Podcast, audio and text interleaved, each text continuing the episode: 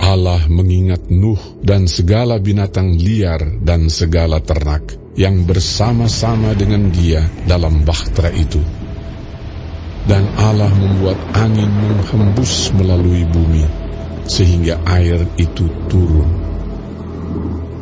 Ditutuplah mata-mata air samudera raya serta tingkap-tingkap di langit, dan berhentilah hujan lebat dari langit dan makin surutlah air itu dari muka bumi. Demikianlah berkurang air itu sesudah 150 hari. Dalam bulan yang ketujuh, pada hari yang ketujuh belas bulan itu, terkandaslah bahtera itu pada pegunungan Ararat.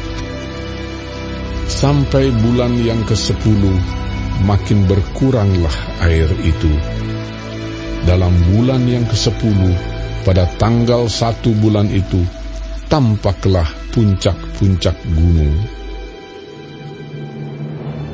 Sesudah lewat empat puluh hari, maka Nuh membuka tingkap yang dibuatnya pada bahtera itu. Lalu ia melepaskan seekor burung gagak, dan burung itu terbang pulang pergi sampai air itu menjadi kering dari atas bumi. Kemudian dilepaskannyalah seekor burung merpati untuk melihat apakah air itu telah berkurang dari muka bumi.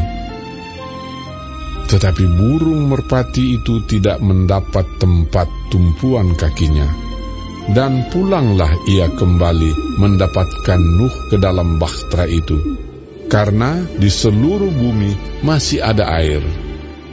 Lalu Nuh mengulurkan tangannya, ditangkapnya burung itu dan dibawanya masuk ke dalam bahtera. Ia menunggu tujuh hari lagi, kemudian dilepaskannya pula burung merpati itu dari bahtera.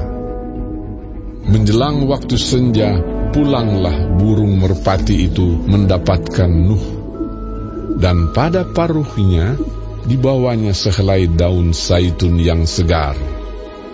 Dari situlah diketahui Nuh bahwa air itu telah berkurang dari atas bumi.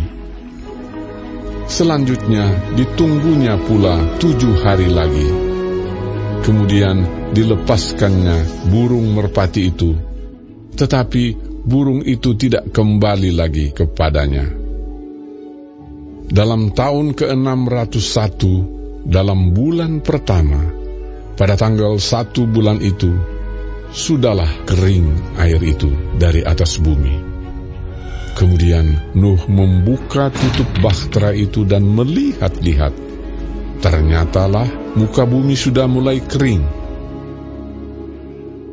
Dalam bulan kedua, pada hari yang ke-27 bulan itu, bumi telah kering Lalu berfirmanlah Allah kepada Nuh. Keluarlah dari bahtera itu. Engkau bersama-sama dengan istrimu, serta anak-anakmu dan istri anak-anakmu. Segala binatang yang bersama-sama dengan engkau, segala yang hidup, burung-burung, hewan, dan segala binatang melata yang merayap di bumi, suruhlah keluar bersama-sama dengan engkau supaya semuanya itu berkeriapan di bumi, serta berkembang biak dan bertambah banyak di bumi. Lalu keluarlah Nuh bersama-sama dengan anak-anaknya dan istrinya dan istri anak-anaknya. Segala binatang liar, segala binatang melata, dan segala burung, semuanya yang bergerak di bumi, masing-masing menurut jenisnya, keluarlah juga dari bahtera itu.